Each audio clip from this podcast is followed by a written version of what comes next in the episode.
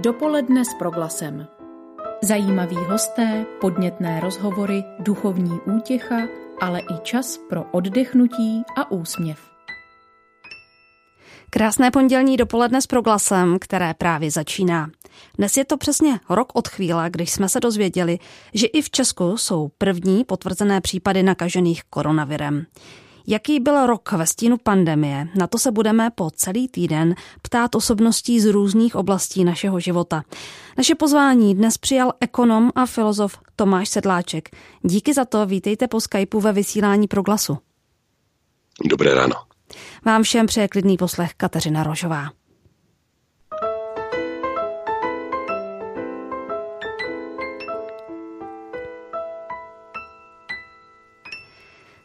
Jistě si řada z nás před rokem vůbec nedokázala představit, co všechno máme před sebou. Jak jste vy osobně prožíval ty první dny lockdownu, roušky a všechno to, co k tomu patří? Byli jsme strašně opatrní. No, se pamatuju, jsem si furt, furt dezinfikoval ruce a, a roušky. Teď už se tak trošku opadlo. Bylo tam taková jako prazvláštní atmosféra celosvětový, uh, celosvětového překvapení a celosvětového šoku Eh, že se to nestalo jenom České republice, ale že se to stalo opravdu eh, všem. Já jsem se snažil to v tom zorientovat nějakým způsobem, jestli někdy bylo vůbec v dějinách této planety něco podobného, že by eh, celá planeta prožila takovýhle, takovou vlastně do jisté míry katastrofu, tak jsem si vzpomněl různě na šípkou, růženku, ale jinak v historii si myslím, že se nikdy nic takového nestalo. Jo, když, když tedy byly válečné stavy, tak ta ekonomika sice byla suspendována, ale do jiné aktivity, to znamená, že e, tak jako zůstat doma a týden, nebo vlastně teď už to bude skoro rok s nějakýma že, letníma přestávkama, se snažit nic nedělat a tím nejvíc prospět, to si myslím, že se opravdu nikdy nestalo a je to pozoruhodný, že se to děje celý planetě najednou, že opravdu můžeme Máme tu stejnou zkušenost, nejen, že jsme to viděli ve zprávách, jako když třeba se přistávalo na měsíc, tak to bylo taky celoplanetární to byla taky celoplanetární událost, ale tentokrát je to celoplanetární prožitek, že opravdu od Číny až po Kanadu a po Jižní Afriku a Českou republiku máme všichni úplně stejný prožitek a snad nás to posune jako lidstvo dál, že jsme, že jsme měli, že jsme si zažili něco, něco opravdu tak společného a tak, tak zajímavého, e, že se to vlastně nikdy v dějinách téhle planety nestalo. Možná potopa, to je taková věc, která byla zaznamenaná ve všech kulturách. Mytologický, mytologická kultura to mají eskimáci a, a všichni e, sumeři a aztékové a, a snad všechny kultury mají opravdu tu, tu, tu potopu zaznamenanou ve svých um, pro, procitnutí vzpomínek a pamětí. Ale od té doby marně hledám, jestli se něco takového stalo celoplanetárně. Takže žijeme v historicky bez pochyby zajímavé éře. Ano, ano, ano, ano. První vlna koronaviru nám všem připomněla, že umíme držet při sobě. Já to období nechci nijak idealizovat, ale nicméně ta míra jakési vzájemné pomoci, spolupráce, myšlení na druhé byla v tomhle smyslu silná. Eh, to, co se stalo, vidíte jako přirozenou reakci v krizi, nebo je to něco, co je vlastní nám, Čechům, Moravanům, Slezanům, že když není dobře, umíme zabrat? No, eh, ta první reakce mm, eh, zemí byla taková, taková jakoby přirozená a to, že když na vás letí něco neznámého, no, tak se člověk schulí do kolečka a dá si ruce nahoru, aby si chránil hlavu. To je takové celkem přirozené reptilní uh, instinktivní chování a stalo se to vlastně na začátku taky i s, i s hranicema, že se každý stát najednou začal starat sám o sebe, jako by se rozpadla Evropská unie a jako bychom zapomněli na to, že nás tady na této planetě víc. No a pak najednou se opravdu Češi projevili velice, velice sympaticky, začali jsme si šít roušky, celý ten nápad s těma rouškama byl víceméně český, to jsme tak nějak, jak se importovali nebo exportovali do toho, do světa, Zjistili jsme, že, na, že, že se nemáme spolehat na vládu, což mě přišlo vtipný, protože, protože ano, pokud si, to, pokud si tu roušku člověk dokáže ušít sám, tak ať si je přece ušije sám, vždyť stát má jenom zastupovat věci, které jsou nezvládnutelné na individuální úrovni. Jsem si dělal u svých kamarádů stranu, jestli jako ještě čekají, že nám ta vláda tu ty šátky zaváže, nebo nás naučí ty šátky vázat, vždyť přece to, se, to, to není nic strašného. Já teď, jo, ne, ne, neříkám u zdravotníků nebo u, u lidí, kteří si nejsou tu roušku schopni sami ušít, ale u normálního běžného člověka sežente si roušku, přece na to nemusíme čekat na vládu, Teď se ty roušky tak nějak uh, zautomatizovaly, už je máme profesionální, už si je málo kdo šije sám, ale ten počáteční, ten počáteční moment toho, toho šití si, si sám mně přišlo takový celkem rostomilý um, a, a, a, a moc se mi to líbilo, že jsme se takhle snažili nějakým způsobem tu situaci složitou vyřešit nějak tak po svém. No ale kde se ztratilo tady to společné sounáležení, jaký je to držení, držení za jeden pro vás, protože vidíme, že z těch dalších a dalších vlnách už je čím dál menší ochota dělat něco jeden pro druhého. Tak čím to je? No, mám, myslím, pocit, že myslím, že jsme to tak ztratili ten pocit, že to děláme pro sebe a začali jsme mít pocit, že to děláme pro nějakou vládu, nebo pro babiše, nebo pro, pro, pro, pro moci postavené. A možná se do toho dostalo takový to typický český, eh, v tomhle případě úplně zbytečný rebelství, protože opravdu to děláme pro sebe, ta vláda si to nevymýšlí jen tak, aby nás mohla buzerovat a a šikanovat. Děje se to opravdu všude, všude po světě a my jsme to začali tak nějak trošku švejkovat, že jsme, že jsme z toho udělali takový jako národní sport, jak všeli, jak to jsme schopní jako okroutit a um, využít a uh, nějak tak jako mít ty hospody jakoby zavřený, ale přitom jsou, přitom jsou vlastně otevřený. Uh, no a teď Teď uh, jsme to začali brát hodně politicky, mám pocit, um, že jsme začali to brát tak, že se to jako vlastně vláda zneužívá k tomu, aby tady udělala totalitu a to my si teda v žádném případě líbit nenecháme. Jo, na druhou stranu je pravda, že takhle vlastně totalitní zřízení, to, to se nedělo snad možná ani jakoby za, za, za jo, prostě takhle hodně, že by vláda zasahovala do osobních svobod lidí, se opravdu neděje eh, jen tak, ale na druhou stranu znovu opakuju, děje se to všude, všude po světě a ty naše opatření, které tady máme, nepatří zdaleka k těm nejpřísnějším. Naopak eh, to letní rozvolňování bylo světově rekordní,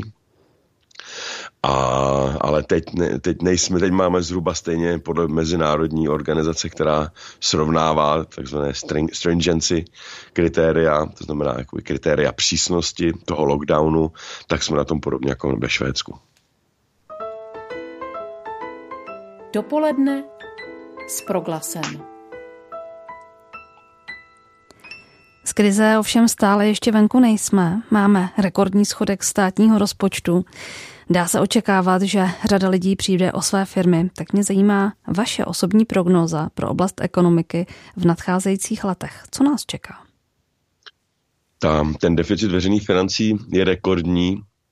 ale je jenom o trošku vyšší než ten, který se nám stal v době hosp- velké hospodářské, té finanční hospodářské krize kolem přelomu desetiletí, no, to má 2009, 2000, 2008, 2009, 2010. Tam ten rozpočet, ten, tam ten schodek byl jenom o trošku menší. Což znamená, zatím teda podle, podle odhadů toho loňského vývoje,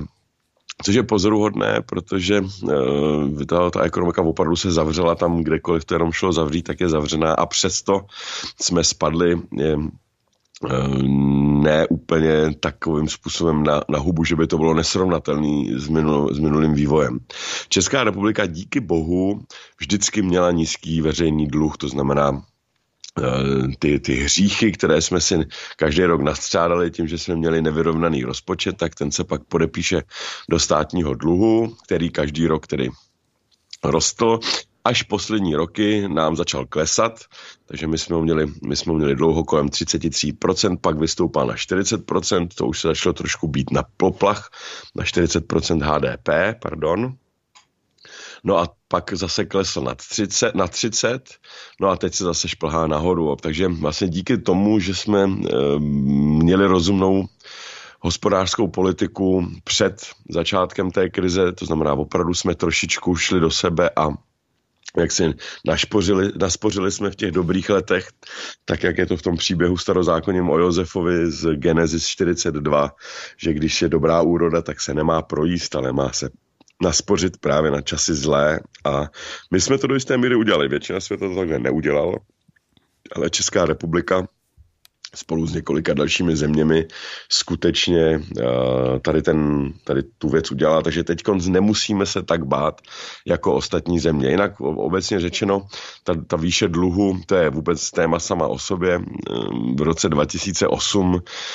většina ekonomů se shodla na tom, že jeden z hlavních důvodů, proč jsme stoupili do, do hospodářské krize, bylo z důvodu předluženosti Eh, celého západního světa na úrovni států, na úrovni bank, na úrovni, řekněme, nevyvážených modelů pojišťoven a tak dále a tak dále, do, do jisté míry i na úrovni domácností, ale zejména tedy na úrovni, na úrovni bankovních institucí a států jako třeba Řecko a další a Kalifornie. No a místo toho, abychom tu, tu, tento, tuto chybu tento hřích, nebo protože v novozákonní řečtině slovo hřích a dluh jsou stejná, nebo vina jsou stejná slova, takže eh, modlitba páně odpust nám naše dluhy, jakož i my odpouštíme našim dlužníkům, je otročtější a dle mého ekonomického názoru lepší překlad. Takže ty dluhy nás, ty hříchy nás dostihly, jo? ten dluh je, se vlastně chová podobně jako hřích, protože je to nevyrovnanost jistá, je to pocit, že máme, mít, že máme nárok na něco víc, než co máme, jo? takže já když mám pocit, že si zasloužím Ferrari tak a nemám na něj, to znamená, že ta společnost mě jakoby nedocenuje, tak se na něj prostě půjčím a e, když těchto těch hříchů, které vypadají nenápadně a zvládnutelně, když jich budu mít hodně, když se nějakým způsobem naskládají, tak najednou z ničeho nic dojde k bankrotu. Jo. Z ničeho nic jako had, ne jako nějaký démon, který na člověka vyskakuje e, z temných koutů, ale takový všudy přítomný had, který se plazí, plazí, plazí, furt tam jakoby je, no a najednou z ničeho nic uštkne. Tak podobně se takhle chová i ten, i ten dluh, jo, který nenápadně vypadá, vypadá zvládnutelný, proto se taky zadlužuje nemůžeme, protože si všichni myslíme, že to zvládneme. No a nakonec zjistíme, že to je, že to je past, která je nás schopná zotročit do celé, na celý život. Tak to se stalo s tím západním světem. No a od té doby, od toho roku, co jsme vylezli z té krize, který nám, která nám prodloužila nebo prohloubila ten, eh, ten dluh, protože státy to řešili dalším zadlužováním, no tak potom se dělo to, že ten dluh dál rostl, rostl až prostě jak včetně jak v Americe, tak v Evropské unii tak vlastně ve všech eh, možných západních zemích s výjimkou Japonska, kde, se, kde byl tak velký, že už se tak trošku jakoby zastropoval, tam, se, tam, to, tam, tam už to dál neroste, tam se to usídlilo někde kolem těch, tuším, 260% HDP, ale co chci říct je, že před začátkem koronakrize jsme měli rekordní planetární dluh,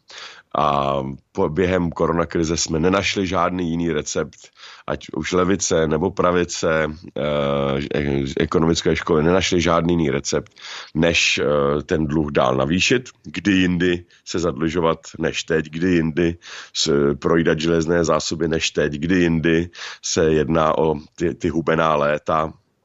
než teď. Takže uh, ta fiskální politika, ta schopnost státu výjít se svým rozpočtem dostává další čavku. Naštěstí ty trhy jsou trochu tolerantnější, protože tentokrát to nevnímají jako chybu hospodaření státu a rozhazování, ale je to opravdu z objektivního hlediska uh, situace, která by je na poplach a potřebuje potřebuje se teď zadlužovat. Mm, jestli tomu dobře rozumím, tak může tahle ta pandemie, kterou prožíváme, přinést právě do oblasti eh, těchto hříchů či dluhů nějaký případný restart, nebo se naopak bude prodlužovat a prohlubovat? No, eh, zatím netušíme, co se, co se bude dít. My jsme si ty minulý hříchy posunuli dál před sebou, ty minulý druhy, dluhy, místo toho, abychom přišli na nějaké evropské nebo ekonomické jiné řešení, tak jsme jenom dál zneužívali to řešení staré.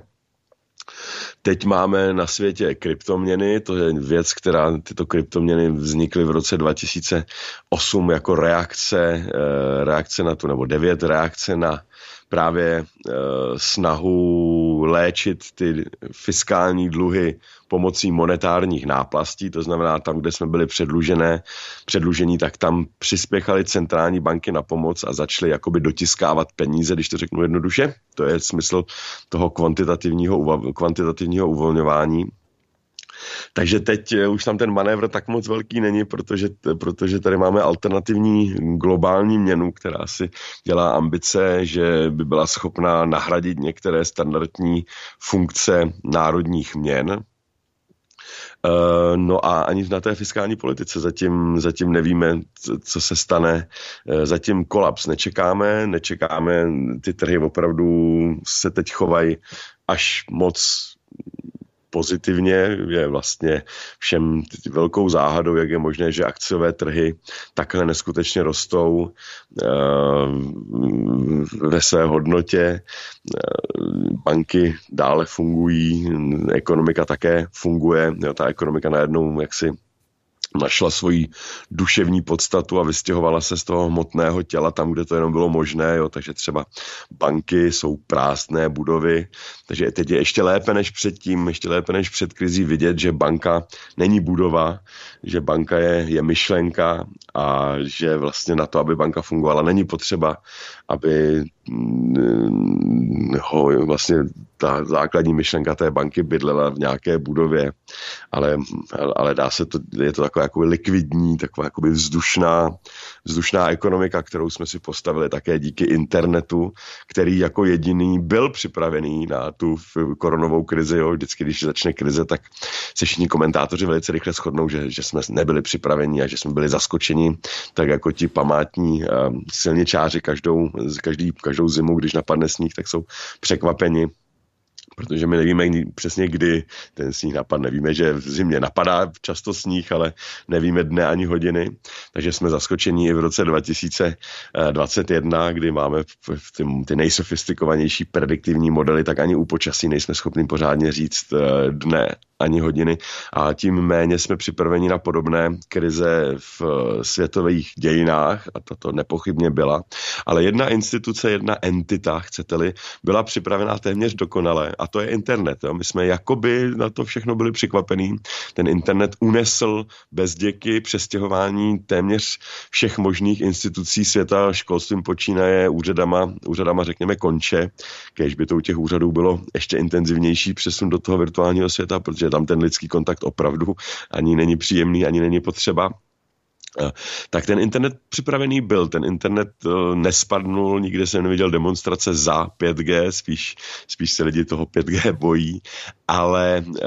jo, vemte si, že jediné, co se stalo, že se trošičku na nějakou dobu zpomalilo streamování filmů na Netflixu, já jsem si to ani nepostřeh, to snížení té kvality, ale jinak ten internet měl jak, co se týče šíře sítě, toho bandwidthu dost, dostatečně, dostatečně, byl dostatečně pevný, že neskolaboval, kdyby nám do toho ještě skolaboval internet. Teď si vemte, to by skutečně byla tragédie. My jsme jakoby přestoupili z toho hmotného, reálného, fyzikálního světa, z toho těla té ekonomiky, jsme přeskočili do, do, do toho duševního, internetového, digitálního těla. Takže jak říká Karl Gustav Jung, že každá krize nás někam posune, tak tahle nás jednoznačně posunula eh, do digitalizace a uvidíme, kam dál nás ještě posune. Ale zatím nehrozí na rozdíl od té finanční krize nehrozí žádnému státu jakýsi finanční kolaps, už jenom z toho důvodu, že z historie ekonomických cyklů a vůbec z ekonomie eh, máme jednu poučku, že ty takzvané endogenní šoky, to znamená ty šoky, které vznikají uvnitř finančního systému, třeba v bankovnictví, eh, jako tomu bylo u té finanční krize na přelomu desetiletí, tak ty jsou mnohem bolestivější a mnohem delší eh, a mnohem víc zraňují než ty, které jsou exogenní, to znamená ty, které jakoby přichází zvenčí, jo, ať už je to ropný šok, nebo záplavy, a nebo nebo koronavirus. Vy jste členem iniciativy Koronerv. Vznikla jako nezávislá a široká expertní platforma, která spojuje osobnosti z nejrůznějších sfér lidské činnosti a dává jim prostor z nápadů a myšlenek formulovat řešení a cesty pro rychlé překonání dopadů pandemie koronaviru a nemoci COVID-19 na českou společnost a jejich hospodářství, tak alespoň stojí na stránkách právě Koronervu. Já se nicméně ptám jednak na to, nakolik je tento váš expertní hlas slyšet a kde vy jako ekonomové vidíte do budoucna největší výzvy pro naši ekonomiku. Za prvé je hrozně zajímavý, že jsme se spojili my ekonomové v neznalosti.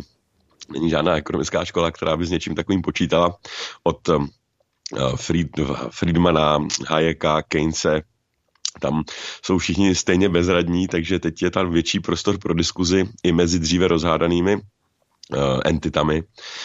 Takže to, to za prvé. Uh, za druhé si s tím nevíme moc rady, než teda aplikovat ty rady staré, Takže když si vemete a přečtete si, ať už jsou to výroční zprávy uh, firem, uh,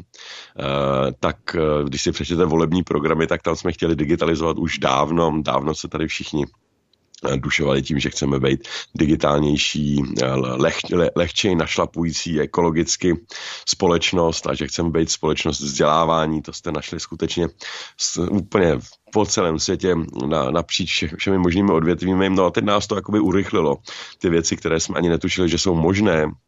tak najednou možné byly. Jo, na univerzitách jsme měli různé komise pro digitalizaci, aby se věci daly dělat přes internet a ani já, žádnému členovi těchto komisí se nestalo, že ne, nezdálo, že by eh, se stalo něco podobného, že během opravdu několika týdnů jsme přehodili všechno na internet a že ty přednášky takhle fungují dál. Pochopitelně jsou tady sektory, jako je zdravotnictví, které jsou naopak přetížené a které jako padají, padají na ústa je potřeba jim pomoct, ale u drtivé většiny ekonomiky ta byla jakoby uspána, jako kdyby v jakémsi šípkovém království. Teď si vzpomínám, že vlastně existuje ještě jedna pohádka, která o tom tak trošku píše a to je to, to šípkové království, kdy jsme se vlastně uspali, což je pro ekonoma něco strašného, protože my jsme se od začátku uh,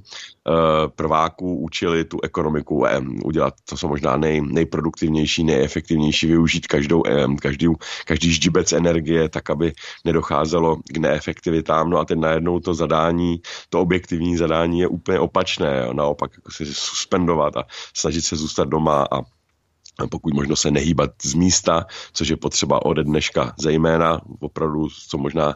nejintenzivněji ne, ne, omezit kontakt, zůstat doma, zkusit eh, věci, vymyslet jinak, najít si jiný způsob. A to jsme se taky vlastně do jisté míry modlili, že chceme, a jak jsem říkal hezky anglicky, out of box thinking, jo, přemýšlet mimo ten zajetý rámec, tak teď nám to, jak si ta externí realita dala měrou e, vrchovatou a každý z nás má jedinečnou příležitost se zamyslet, jak dělat eh, věci jinak, jak být víc s rodinou, jak, eh, jak si vymyslet jinou zábavu než, než hospody a dokonce bohužel i divadla.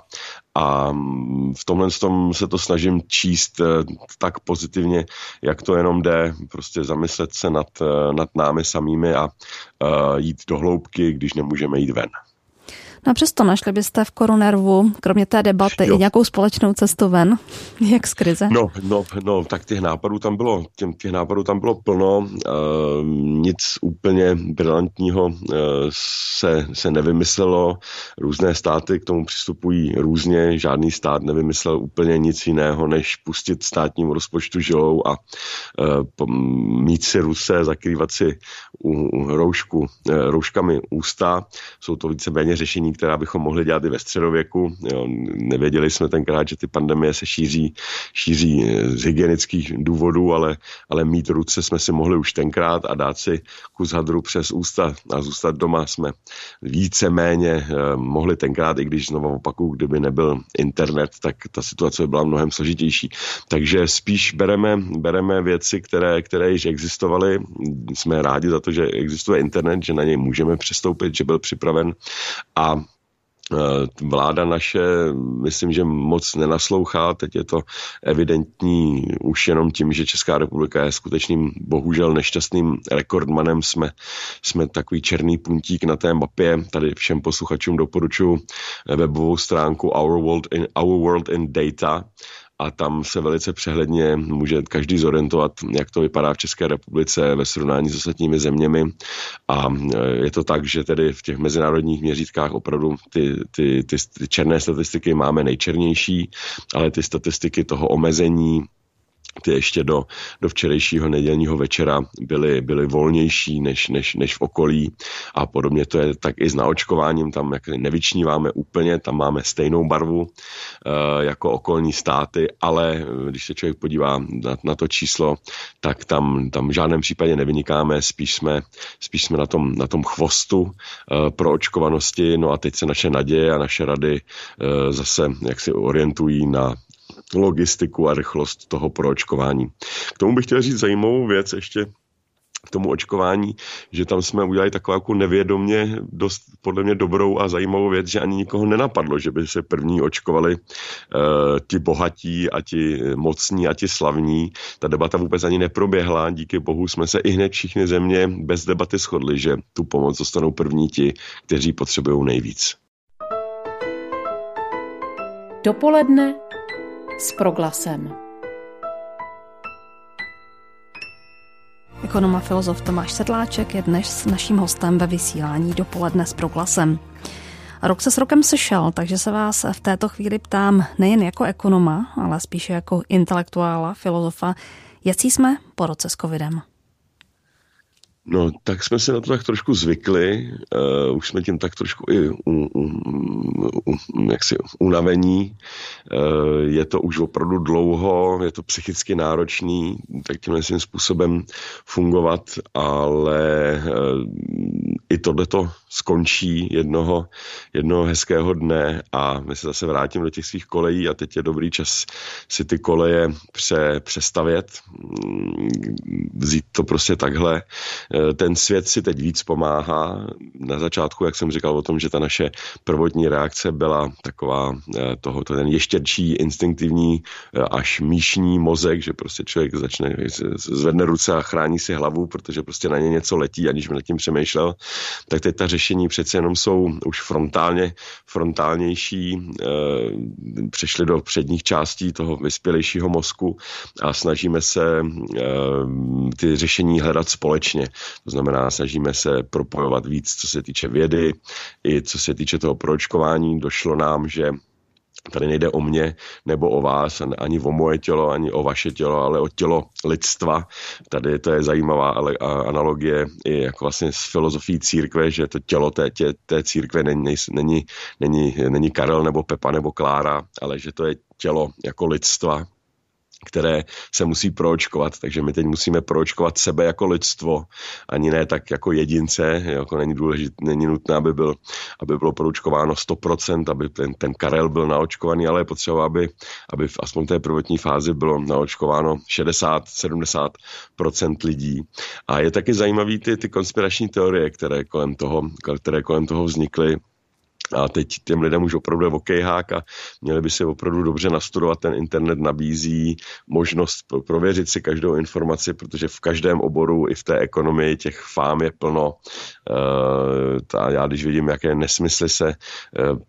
různě tak jako pro, prohlílají na tom internetu, co se ekonomie týče, tak e, tam těch fám i, i co se dějin týče, že nás tady navštívili nějaký cizí e, marťani, to jsou tak takové teorie, které, které existují v dějinách nebo v archeologii. Je velice jednoduché ověřit a podívat se, eh, jak je to tedy, jak je to tedy s objektivně nebo s objektivnější vědeckou eh, pravdou nebo s tím vědeckým přístupem a to je zodpovědnost každého z nás a to zodpovědnost už přestává být sranda, tady jde opravdu o, o životy každého z nás. Takže za ten rok si myslím, že jsme, že jsme z toho za prvý zvyklejší, za druhý už to nebereme jako tak velký dobrodružství jako na začátku, kdy jsme to opravdu brali eh, až James Bondovsky.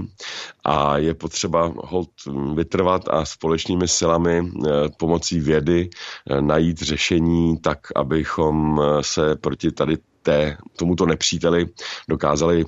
obránit. A jediné světlo na konci tunelu je skutečně to očkování a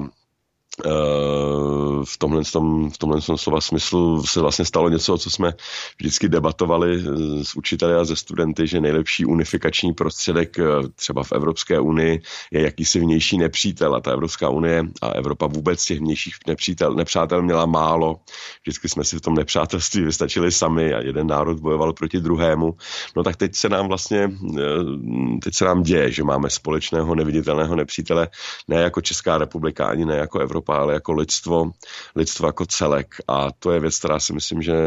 že jsme začali chápat trošku, byť, byť to furt není úplně uh, dokonalé. Teď mám na mysli ty konspirační teorie, které furt asi s námi budou. Nicméně uh, ten společný nepřítel, který nás spojí, tak to se, to se děje. Nicméně, jak v tom, co říkáte, vnímáte tu opakovaně nabízenou ruku k pomoci od řady vědců, ať už Koronervu, jehož jste tedy sám členem, iniciativě Sníh, nebo v nedávné době ve výzvě 40 dní k uzdravení lidí i ekonomiky, která zdá se, jako kdyby stále nebyla slyšena či vyslyšena. Máte proto vysvětlení? Uh, nevím, já nechci šahat vládě do, do svědomí, ale mm, ty výsledky určitě nejsou dobrý. Buď to máme extrémně špatnou vládu, nebo máme extrémně špatný lid tady v České republice. Už jsme po druhé uh, na špici nebo na chvostu spíš um, té, té, té, té, toho výše onemocnění. Zdá se mi, že ta Vláda se snaží jakýmsi způsobem to řešit, ale nedělá to, nedělá to zdaleka dobře. Eh, ne, tady vůbec jenom i, i vytvořit toho psa eh, trvalo hrozně dlouho. Hrozně dlouho jsme tu vládu museli přemlouvat Vláda má svoje priority, které se zdají být trošku jiné, než, než, než by měly být. A, a mrzí mě to, nicméně tu vládu máme takovou, kterou jsme si sami zvolili. To je do jisté míry to je paradox demokracie, že čím je ta vláda blíž tomu lidu, čím více se ta vláda snaží jak se od, odezírat od rtů, co by ten národ chtěl, a čím víc hledí na své politické body, tak tím míň je schopná řešit ty věci prakticky a tím víc ty lidi mají pocit, že ta vláda je proti nim, byť je to vláda, která byla demokraticky zvolená, to znamená u totalitních režimů možná by ty lidi měli větší pocit, že ten vůdce, jako třeba v Severní Koreji, tento pocit určitě mnoho lidí bohužel má, že ten jejich obdiv k vůdci je nekritický a mají pocit, že jim, jak si, že tomu vůdci skutečně záleží na každém jednotlivci, byť to tak není, ale je to prostě vlastnost a charakteristika totalitní moci, že uh, ty lidi nemají, necítí zodpovědnost za tu vládu tolik, jako když si ji sami zvolili. Takže eh, tady bohužel žádný zázračný lék neexistuje, to vláda neposlouchá zdaleka tak, jak by měla dělat nelogická řešení, jo, to, jak jsme tady odmítali pomoc, eh, jak my, abychom někomu pomohli na začátku, bylo velice krátkozraké a eticky neobhajitelné. A teď, když tu pomoc potřebujeme, tak pak vypadáme eh, tak trošku k smíchu, nebo možná to slovo tak trošku jsem použil zbytečně, prostě vypadáme, je to nedůstojné a mrzí mě, že ta vláda neodpolitizovala to od začátku v mnoha jiných zemích jsou prostě um, takové nervy už dávno fungující, myslím teda ten poradní orgán nerv. A je apolitický, jsou, jsou tam doktoři a imunologové, kteří prostě říkají, co se má a co se eh, nemá dělat. Na druhou stranu legitimní eh, moc má skutečně jenom zvolený politik a politička, ale to, to že tady bude jakýsi odborný, eh, odborné tělo, které bude říkat, co se má, co se nemá dělat, odborné tělo, které se zhádá dá uvnitř, to znamená, já nevím, nějaká rada imunologů nebo rada moudrých nebo rada, rada starších, která se zavře a nejdřív se pohádá mezi sebou a kdo ten svůj názor ne, neobhájí v kolegiu svých kolegů a kolegyň, tak ho prostě nebude dál vykřikovat a ne, nebude ze sebe dělat uh, objekt uh, posměchu, ale že potom ten odborný kolektiv bude vystupovat jednotným, jednotným hlasem No, když jeden řekne doleva, tak, tak se nepůjde táhnout doprava to je, to je, to je hol škoda. To jsme měli udělat na začátku, myslím si, že to tady chybí. Myslím, že kdybychom měli prezidenta, který by správně plnil svoji roli, tak já nevím, já mu třeba tu běženeckou krizi jako příklad, jo, když se na nás uh, hrne nějak, nějaký lid, který potřebuje pomoc a který uh, situace, se kterou se nedokážeme poradit, tak se prostě na začátku mělo všechno sklidnit a říct, prosím nás, pojďme se nejdřív poradit, pojďme udělat několik seminářů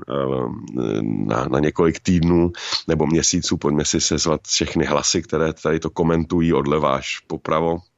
Pojďme si na to zavolat nějaké mezinárodní odborníky a pojďme si nejdřív poradit, pojďme si v klidu, my tomu, když s klukama jezdíme nebo jezdili jsme na jachty tak a stala se nějaká nečekaná situace, tak nám vyšlo jako velice rozumné řešení udělat takzvanou poradu s pivem. Takže v krizové situaci, pokud to je jenom trošku možné, se nejdřív sklidnit, uh, otevřít si to příslovečné pivo a za těch 20 minut nebo 15, než se dopije, tak se prostě v klidu poradit, aby ne, nedocházelo k rychlým a šokovitým hop-trop řešením. A tady ta role tady prostě nenastala. Jo, naši, naši, naši prezidenti Thank you. Náš prezident uh, tuhle, v této roli fatálně selhal místo toho, aby se udělala hradní konference, kde se uh, společně uděláme nějaký plán, jak co dělat, když se to bude vyvíjet lépe, co dělat, když se to bude vyvíjet hůře, udělat si nějaké strategické varianty jedna až já nevím sedm a toho plánu se nějakým způsobem držet. Ten plán se pochopitelně dá měnit podle situace, ale nějaký plán mít uh, je dobře, pak toho, z toho vzniknul tedy ten pes, ale to, co jsme jsme čekali od našich politiků, kteří, se, kteří se byli v prsa a tvrdili, jak dokážou zvládat e,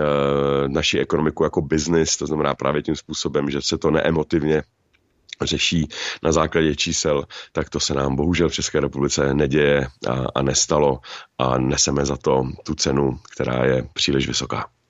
No a můžu se zeptat, kde by viděl cestu z krize Tomáš Sedláček v této chvíli, kudy ven? No, um, je potřeba na jistou dobu opravdu suspendovat úplně všechno, dát eh, podle mě eh, přísné, ale celkem krátké, jo, to znamená opravdu na týden, na 14 dní, na tři neděle, možná na měsíc, eh, zamezit všechno, co jde, aby se ten národ pročistil, aby nedocházelo k přenosu té nemoci. Je, do, je klidně možný, že se tohle bude dít do budoucna preventivně, že prostě zjistíme, že jednou, já nevím, za sedm let to se ohlásí dopředu, že v roce 2000, já nevím, 30, leden, únor e, zůstanou, zůstanou všichni doma, aby se žádná další podobná e, epidemie nemohla ani rozjet, i když oni nevíme, a e, spíš než dělat ta polovičatá řešení, o kterých, o kterých mluvíme teď, tak e, to udělat pořádně a, a intenzivně. Takže e, zajistit tak, aby lidi, dost, aby, aby, ta, aby ten dopad byl stejný na všechny, to znamená, když vám kolabuje židle na jedné noze, tak e, udělat to tak, aby aspoň ten dopad, e, aby ta celá židle spadla jakoby e, ne na jednu nohu, ale, ale na všechny čtyři, aby ti, kteří můžou pomoct těm, kteří, e, kteří pomoc nemůžou, to znamená třeba číšníci nebo, nebo zdravotníci, tak těm, těm i hned a rychle eh, navršit tedy příjmy ze státního eráru, z toho státního rozpočtu rada číslo jedna. Rada číslo dva je přehodit všechno, co jde na internet, eh, počítat s tím, že to třeba tady bude sedm let a opravdu mm, se naučit fungovat po digitálu, to je hřích, který nás teď dohání. Tam na to jsme eh, nebyli připraveni z toho byrokratického úhlu pohledu, tady prostě furt trvá všechno dělání na, na Rakousko, Uhersko, jo, kdy tak, také tam byly tři týdny na to, aby vám dotyčný úředník nebo úřednice odpověděli, tak tenkrát se to posílalo téměř holuby. Dneska máme internet, ale ta lhuta je furt podobná. To je další věc, která, která, se, která se měla dělat. No a třetí věc je nastavit eh, jako tu nabídkovou stránku té ekonomiky, neřešit to všechno jenom zadlužováním a, a, a tiskem peněz, ale vymyslet práci pro lidi, která by mohla právě spočívat v té digitalizaci, to znamená přenést, já nevím, vzít si nějaké ministerstvo nebo vzít si nějaký obor nebo nějakou agendu státu a tu prostě předělat tak, aby se dal prodat ten barák za, za, za, za několik let čím dřív, tím líp. A takhle by to mohlo fungovat potom i nadále. To znamená, ty, ty um, v angličtině tomu říkám get rid of the ridiculous, zbavit se zbytečností, které se nám tady naakulumovaly. To znamená, já nevím, nevím proč je nutné uh,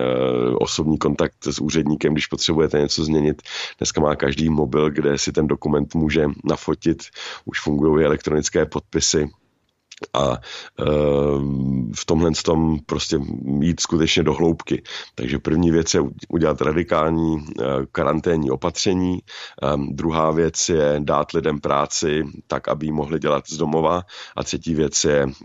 co možná nejvíc té agendy, která se k tomu nabízí, to znamená zejména byrokracie, jak státní, tak ale i firemní, e, tak tu přesunout na internet. No a zamyslet se nad manažerským způsobem fungování tak, aby lidi mohli fungovat z domova Dopoledne s proglasem. Jaký byl rok s pandemií? To jsou otázky, na které se dnes ptáme filozofa a ekonoma Tomáše Sedláčka. Vy jste v posledním svém článku pro hospodářské noviny přišel s myšlenkou Nechoďte ven, věnujte se vnitřku. Co tím přesně myslíte? No já jsem e, v rámci prokrastinace celou dobu tady sledoval pořady Gordon, nebo jedna z takových těch mých e, hříchů, který do dneška nechápu, bylo dívání se na Gordona Ramseyho, když přijde do jakési restaurace, která funguje průměrně nebo podprůměrně a on tam všechno vyhází a pročistí a promění menu a, a vymaluje a změní, změní název té restaurace a prostě to e, veme z gruntu, tak jsem si pak začal představovat, co by se stalo, kdyby takový Gordon, přísný Gordon Ramsey vlétnul do kuchyně našeho vlastního života. A vzal jsem si to jako inspiraci k tomu si udělat takovýhle pořádek sám, prostě si sednout, ten svůj život si nějakým způsobem načrtnout na kus co možná velkého papíru, napsat si tam věci, které člověk na sobě vidí rád, věci, které člověk na sobě nevidí rád, představit si, jak by mohl člověk dopadnout, kdyby pokračoval tou špatnou cestou za pět let a jak by mohl dopadnout, kdyby pokračoval tou správnou cestou za pět let a udělat si takovou, takovou invent, inventuru života a, um, a jakýsi modrý život, ti, kdo pamatují na Jaroslava Foglara a na jeho o, hochy od bobří řeky a, a, a, a rychlé šípy, tak ti se právě tímto způsobem dělali disciplínu, dělali si manažera sami sobě, udělali si ze sebe jaksi otrokáře sama sebe, udělali ze sebe krutého kapitalistu, takže jsem další takovou fantazii, která mi přišla užitečná, je představit si, jak by to bylo, kdyby člověk vlastnil sám sebe a kdyby byl otrokářem sám sebe, kdyby ten kapitál, ten lidský kapitál, který, no, ty talenty, které jsou mu dány do vínku, tak kdyby je mohlo opravdu manažersky a přísně maximalizovat do, do úplně ab absurdum a toto si potom, toto si potom udělat, to je, to je, to je ten smysl toho článku, který jsem minulý pátek napsal do hospodářských novin. V naší společnosti se zcela pochopitelně stále více mluví o tom, o co díky pandemii přicházíme, nebo kvůli pandemii. Mě ale zajímá, jestli jsme vůbec na ztráty připraveni, případně jestli se na ně vůbec připravit dá. Uh, jsou události v životě, na které se připravit nedá. Eh, to je ta známá knížka Černé labutě. Eh, to jsou prostě věci, které, které jsou nepredikovatelné, nebudeme o nich nikdy vědět a nedá se na ně konkrétně připravit, ale dá se na ně připravit obecně, už jenom třeba tím, že budeme mít přebytky státního rozpočtu, že budeme mít nízký dluh, a necháme si nějakou železnou rezervu, kterou budeme eh, pečlivě stavět v letech, které jsou dobré a funkční. Eh, takže tímhle svým způsobem se, se člověk může připravit. Může se taky připravit um, tím, že vlastně teď došlo k tomu, že tady jakoby přišel Mojžíš, který tomu egyptskému faraonovi, tomu utlačovateli, tomu systému, řekněme, řekl, nech, uh, ať můj lid jde domů, let my people go home. Um, a najednou jsme všichni se ocitli doma a nikdo si nemůže na ten systém stěžovat. Ten systém, jestli něco, tak je nefunkční a je dobrá, dobrá doba třeba na to si udělat nějaký jako rodinný program a um, najít si cestu, jak tohle to prokletí toho šípkového království využít jako požehnání já osobně jsem, myslím, že se nikdy nestalo otcům. U žen to asi bylo, u žen to nejsem asi schopen říct, protože ty, ty v dějinách často bývaly doma s dětmi, ale u, uh, u otců nevím o tom, že by bylo kdy v dějinách takováhle uh, perioda toho, že otec může být se svým synem a se svojí dcerou a máme, máme úplně novou, nový pohled, no, novou cestu životem, která, uh, kterou berme jako dočasné, dočasné zamyšlení a dočasné požehnání. Takže eh, to je další, další, další věc, kterou se člověk může připravit, je brát věci tak, jako je bral starozákonní eh, eh, prorok nebo starozákonní postava Job. E, Bůh vzal, Bůh dal, Bůh vzal, teď je to tak, že trh dal, trh vzal. Naštěstí jsme civilizace, která je dost bohatá na to, že si takhle takovou roční inaktivitu může dovolit, aniž by ty systémy začaly kolabovat. Moc dlouho to asi nevydržíme, ale, ale zatím nejsou žádné signály, že by se ten, e, že by to naše bohatství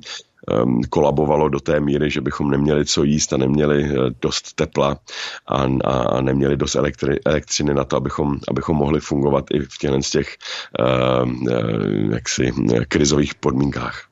A co myslíte, dá se v této pandemii najít i nějaký duchovní aspekt? Pokud ano, tak co by to bylo právě pro vás? No, je to právě to, hm, buď doma, buď, buď sám u sebe, vrať se do své vlastní kůže, Eh, hledej, hledej niterné věci, je to vlastně způsob, jak jakoby ten kanvas nebo to plátno, na které, se, na které si člověk maluje ten svůj život, nebo ten, ten život mu tam něco malé, tak jak to samotné plátno uh, zlepšit, aby ty barvy na něm vypadaly lépe. Takže když to plátno bude, bude zašpiněné a zaprášené, tak sebehešťí um, obraz a sebehešťí barvy na něm budou vypadat uh, zašedle a nebudou tak výrazné, jako když se ta, ta, ten, ten samotný uh, podklad zlepší. A to si myslím, že teď můžeme dělat. Teď opravdu můžeme pilníčkem ehm, znovu naštívit všechny ty své životní předsevzetí. Takže já teď víc píšu, víc čtu, víc se věnuju věcem, které, o kterých jsem si vždycky přál. To je taky asi možná moje vlastnost. Já jsem si dlouho přál, aby člověk měl, měl klid na to přečíst všechny ty knížky, které v té knihovně uh, syslil, protože když jsem byl mladší, tak jsem měl ten problém, že jsem měl plno času na čtení a, a čet jsem všechno, co mi přišlo pod ruku, ale nebylo dost knížek, neměl jsem na ně peníze a ty knížky v těch 90. letech mnohdy ani neexistovaly tím méně existovaly e, za dob komunismu, kdy ne každý se k tomu sami za tu dostal. Teď je ten problém opačný, teď těch knížek máme dost, ale nemáme čas je číst. Takže vlastně i takové to zoufání, že ten systém nás ždímá a, a, a urychluje a tlačí furt dopředu a že člověk nemá čas na ty věci, které jsou skutečně důležité v životě, to znamená na, na rozjímání, na modlitby, na, na přemýšlení, na čtení, na, na věnování se e, to, tomu svýmu e, okamžitému prostředí, tomu svému okamžitému okolí, protože ta globalizace z nás udělala globální vesnici, jo, vzdálenost čínské vesnice od uh, české horní dolní je stejná jako, jako jakákoliv jiné místo na světě, které je propojené internetem. Takže člověk měl takovou tendenci a já osobně teda taky se rozplácnout po celém světě. Já jsem málo kdy měl, měl, měl klid, eh, protože jsem furt někam lítal a jedna přednáška za druhou a jedna konference za druhou a jedna zajímavější, eh, jedno zajímavější schromáždění eh, lidí, se kterými jsem se přál setkat po druhým. Takže jsem byl rozlítán jak takový trickster, jak takový pavouk, který na té globální pavučině internetu, kterému vlastně říkáme World Wide Web, což je vlastně um, otrocky přeloženo asi pavučina, která je rozprostřená po celém světě, tak po ní tak lítal hm, zleva doprava, tak teď ta, teď teď, teď ta, ta, ta osobnost, ta duše toho člověka byla hm, přikována na jedno jediné místo a to těkání.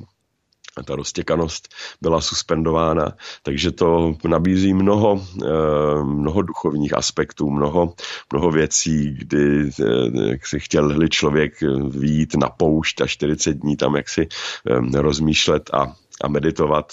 a já nevím, modlit se nebo usebírat se, tak to je těžké v dnešní společnosti, která je sice bohatá a má mnoho, mnoho jídla, mnoho zábavy a, a Netflix a mnoho jakýchsi pokušení v tom digitálním světě, tak eh, teď eh,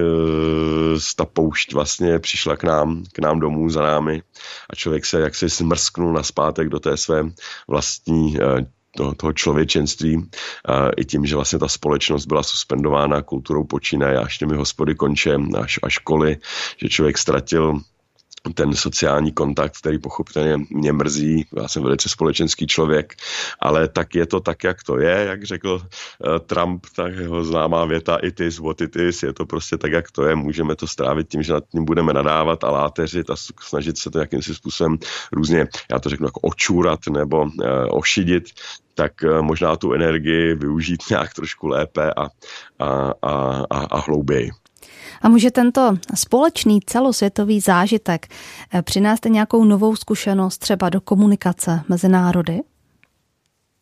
No, třeba ty konference, teď mě, teď mě přišlo, začaly chodit pozvánky na různá, různé akce, které se budou konat v létě nebo na podzim a jsou to pochopitelně bohulibé a hezké literární festivaly a, a další, ale teď jsem si vlastně představil, že kvůli tomu budu muset jet tady, já nevím, tři a půl hodiny do Ostravy a e, několik hodin předem, aby, abych to stihnul a pak tam přespávat a zase se vracet, takže kvůli hodinové nebo dvojhodinové debatě či přednášce já vlastně musím trávit den až dva cestou tam a naspátek, když to jde udělat tady jaksi z intimity domova. I ty mezinárodní konference jsou teď najednou jednodušší, protože já můžu ráno eh, tady mít debatu s, eh, nevím, s Čínou a, a večer se Spojenými státy americkými. Teď už není takový problém si sem pozvat zahraničního odborníka, kterého předtím bylo potřeba přemluvit k cestě a zaplatit mu ubytování a, a, a, a cestu a on musel obětovat dva dny, které jinak mohl trávit se svojí rodinou, tak teď je to otázka několika vteřin, aby se z té konference, která je celosvětová, mohl přesunout na zpátek eh, a jít se polochtat se svým, se svým synem. Takže eh, ta komunikace, jo, vemte si, kdyby se stalo, kdyby se nestalo to, že nás navštívil biologický virus, ale kdyby nás navštívil počítačový virus, jo, kdyby se místo zákazu pohybu lidí eh, nám stal zákaz pohybu dat, to znamená, kdyby nám skolaboval ten internet, tak to si myslím, že by možná mělo větší dopady na, na, na, na tuhle planetu v roce 2020 a 2021, než ten, než ten virus biologický. Že by tam vlastně možno mohla dojít i k větší ztrátě na životech, než dochází teď. Takže um, takže ta komunikace se přesunula z osobní komunikace fyzické v těle na osobní komunikaci přes eh, duší, přes internet. A eh, já myslím, že ty debaty jsou hlubší. Já se takhle potkávám s kamarádama, si telefonujeme nebo si děláme ty skypové Eh, nebo jiné eh, setkání, které zase jsme zjistili, že ten internet nejen, že je levnější, rychlejší, efektivnější a jakoby takový jako eh, sám od sebe přitažlivější, jo, ten digitální svět má gravitaci větší, než by si zasloužil, stává se nám pro nás pokušením a stává se pro nás um, něči, něčím, co si člověk dává do předsevzetí, že nebude tolik čumět do toho mobilu, takže všechny tyhle ty výhody až, až, až, až, až, až, až jak si tu přehnanou gravitaci toho internetu internetu, tak teď jsme zjistili, že ten internet má ještě jednu další výhodu, o které jsme, nebo které jsme nevěděli, a to, že je, že je zdravější, že je sterilnější v tom smyslu e, boje proti té současné nemoci. Takže e, berme to opět jako požehnání, která civilizace, to neuměli ani bohové v našich mytologiích, málo nebo žádný bůh neuměl oslovit celou planetu najednou. Dneska to umí každé malé dítě, které má mobilní telefon, tak může tweetnout, může zaštěbetat, to je tweet, je vlastně štěbetnutí, může zaštěbetat, může celému světu ohlásit, co má právě k snídani. Jo, to ani bohové neuměli. My opravdu díky technologii máme máme vlastnosti, které kdyby viděl pisatel třeba Bible, já nevím, řekněme bájný Mojžíš, který, který uh, údajně napsal eh, mnoho knih uh, starého zákona, tak ten, kdyby se potkal s obyvatelem našeho 21. století, tak mám pocit, že by nás spíše zařadil mezi, mezi božstvo, než mezi smrtelníky. Jo. Když si to vemte, paní redaktorko, my dneska umíme létat výše než bájní drakové, ne, ty, ty nebyli schopni jistě letět do deseti kilometrů, takže já vždycky, když když jsem eh, od někud přistál a kamarádi se mě ptali, kde jsem byl, tak jsem říkal, no to je úplně jedno, já byl 10 kilometrů ve vzduchu, já byl výš než Mount Everest, já byl nejvýš, co se kdy člověk dostal a, seděl jsem u toho v polobotkách a nadával jsem, že mám, že mám málo uh, místa na nohy a moc málo voříšku. Jo, to je věc, na kterou jsme se taky velice rychle zvykli. My dokážeme uh, telepaticky komunikovat s celým, s celým světem. Jo, my si mysleli, že k této um, schopnosti dojdeme duchovními cvičeními a, a prazvláštní minimalistickou dietou, to se nikdy neprokázalo, ale vlastně ani jsme si neuvědomili, že jsme se to naučili udělat díky technologii. Máme v kapse zázračný, zázračný proutek, který, který sice ne, nevypadá jako tyčka, tak jak si to představila třeba paní Rowlingová v Harry, Harry, Harry Potterovi, jo, že lidi čarovali eh, těma, těma, těma kouzelnýma hůlkama, tak my nemáme hůlky, ale máme placky, jo, my, které, ale a, a nikomu, nikomu nepřijde, jak, jak magický je to, že v kapse nosíme veškerou hudbu světa, téměř zadarmo, že dokážeme mít všechny knížky světa v tom, tom takovém prazvláštním baťušku, který vypadá jak z pohádky, uh, uh, kdy ta, uh, ta Alice ze země Oz měla ten kouzelný batoh, kam se dalo dávat cokoliv a ten batoh nebyl ani těžší, ani, ani, ani více plný, tak to je zase ten mobilní telefon, který dokáže do sebe vzít nekonečné množství knih, písniček a, a filmů a nenafukuje se, ani není těžší. Jo. A když tam dám jednu knížku od Platona, tak není o to, ten mobilní telefon není o tu knížku není o tu knížku těžší, vejde se tam toho téměř, téměř nekonečně. Takže si vlastně uvědomit to, že díky technologii a, a díky vědě jsme dneska na úrovni, uh, úrovni sdílení, o které se nezdálo ani těm mytologickým božstvům. A díky technologiím jsme také byli v online spojení s filozofem a ekonomem Tomášem Sedláčkem ve vysílání dopoledne s proglasem. A já vám moc děkuji za čas, který jste nám věnoval i za vaše postřehy a ohlédnutí za rokem s covidem. Někdy příště se budu těšit na slyšenou. Já vám přeju hodně trpělivosti všem a uh, hodně niternosti. Od mikrofonu vám všem přeje hezký den a pevné zdraví Kateřina Rožová. Naslyšenou. Dopoledne s proglasem. Každý všední den mezi devátou a desátou jsme v tom s vámi už 25 let.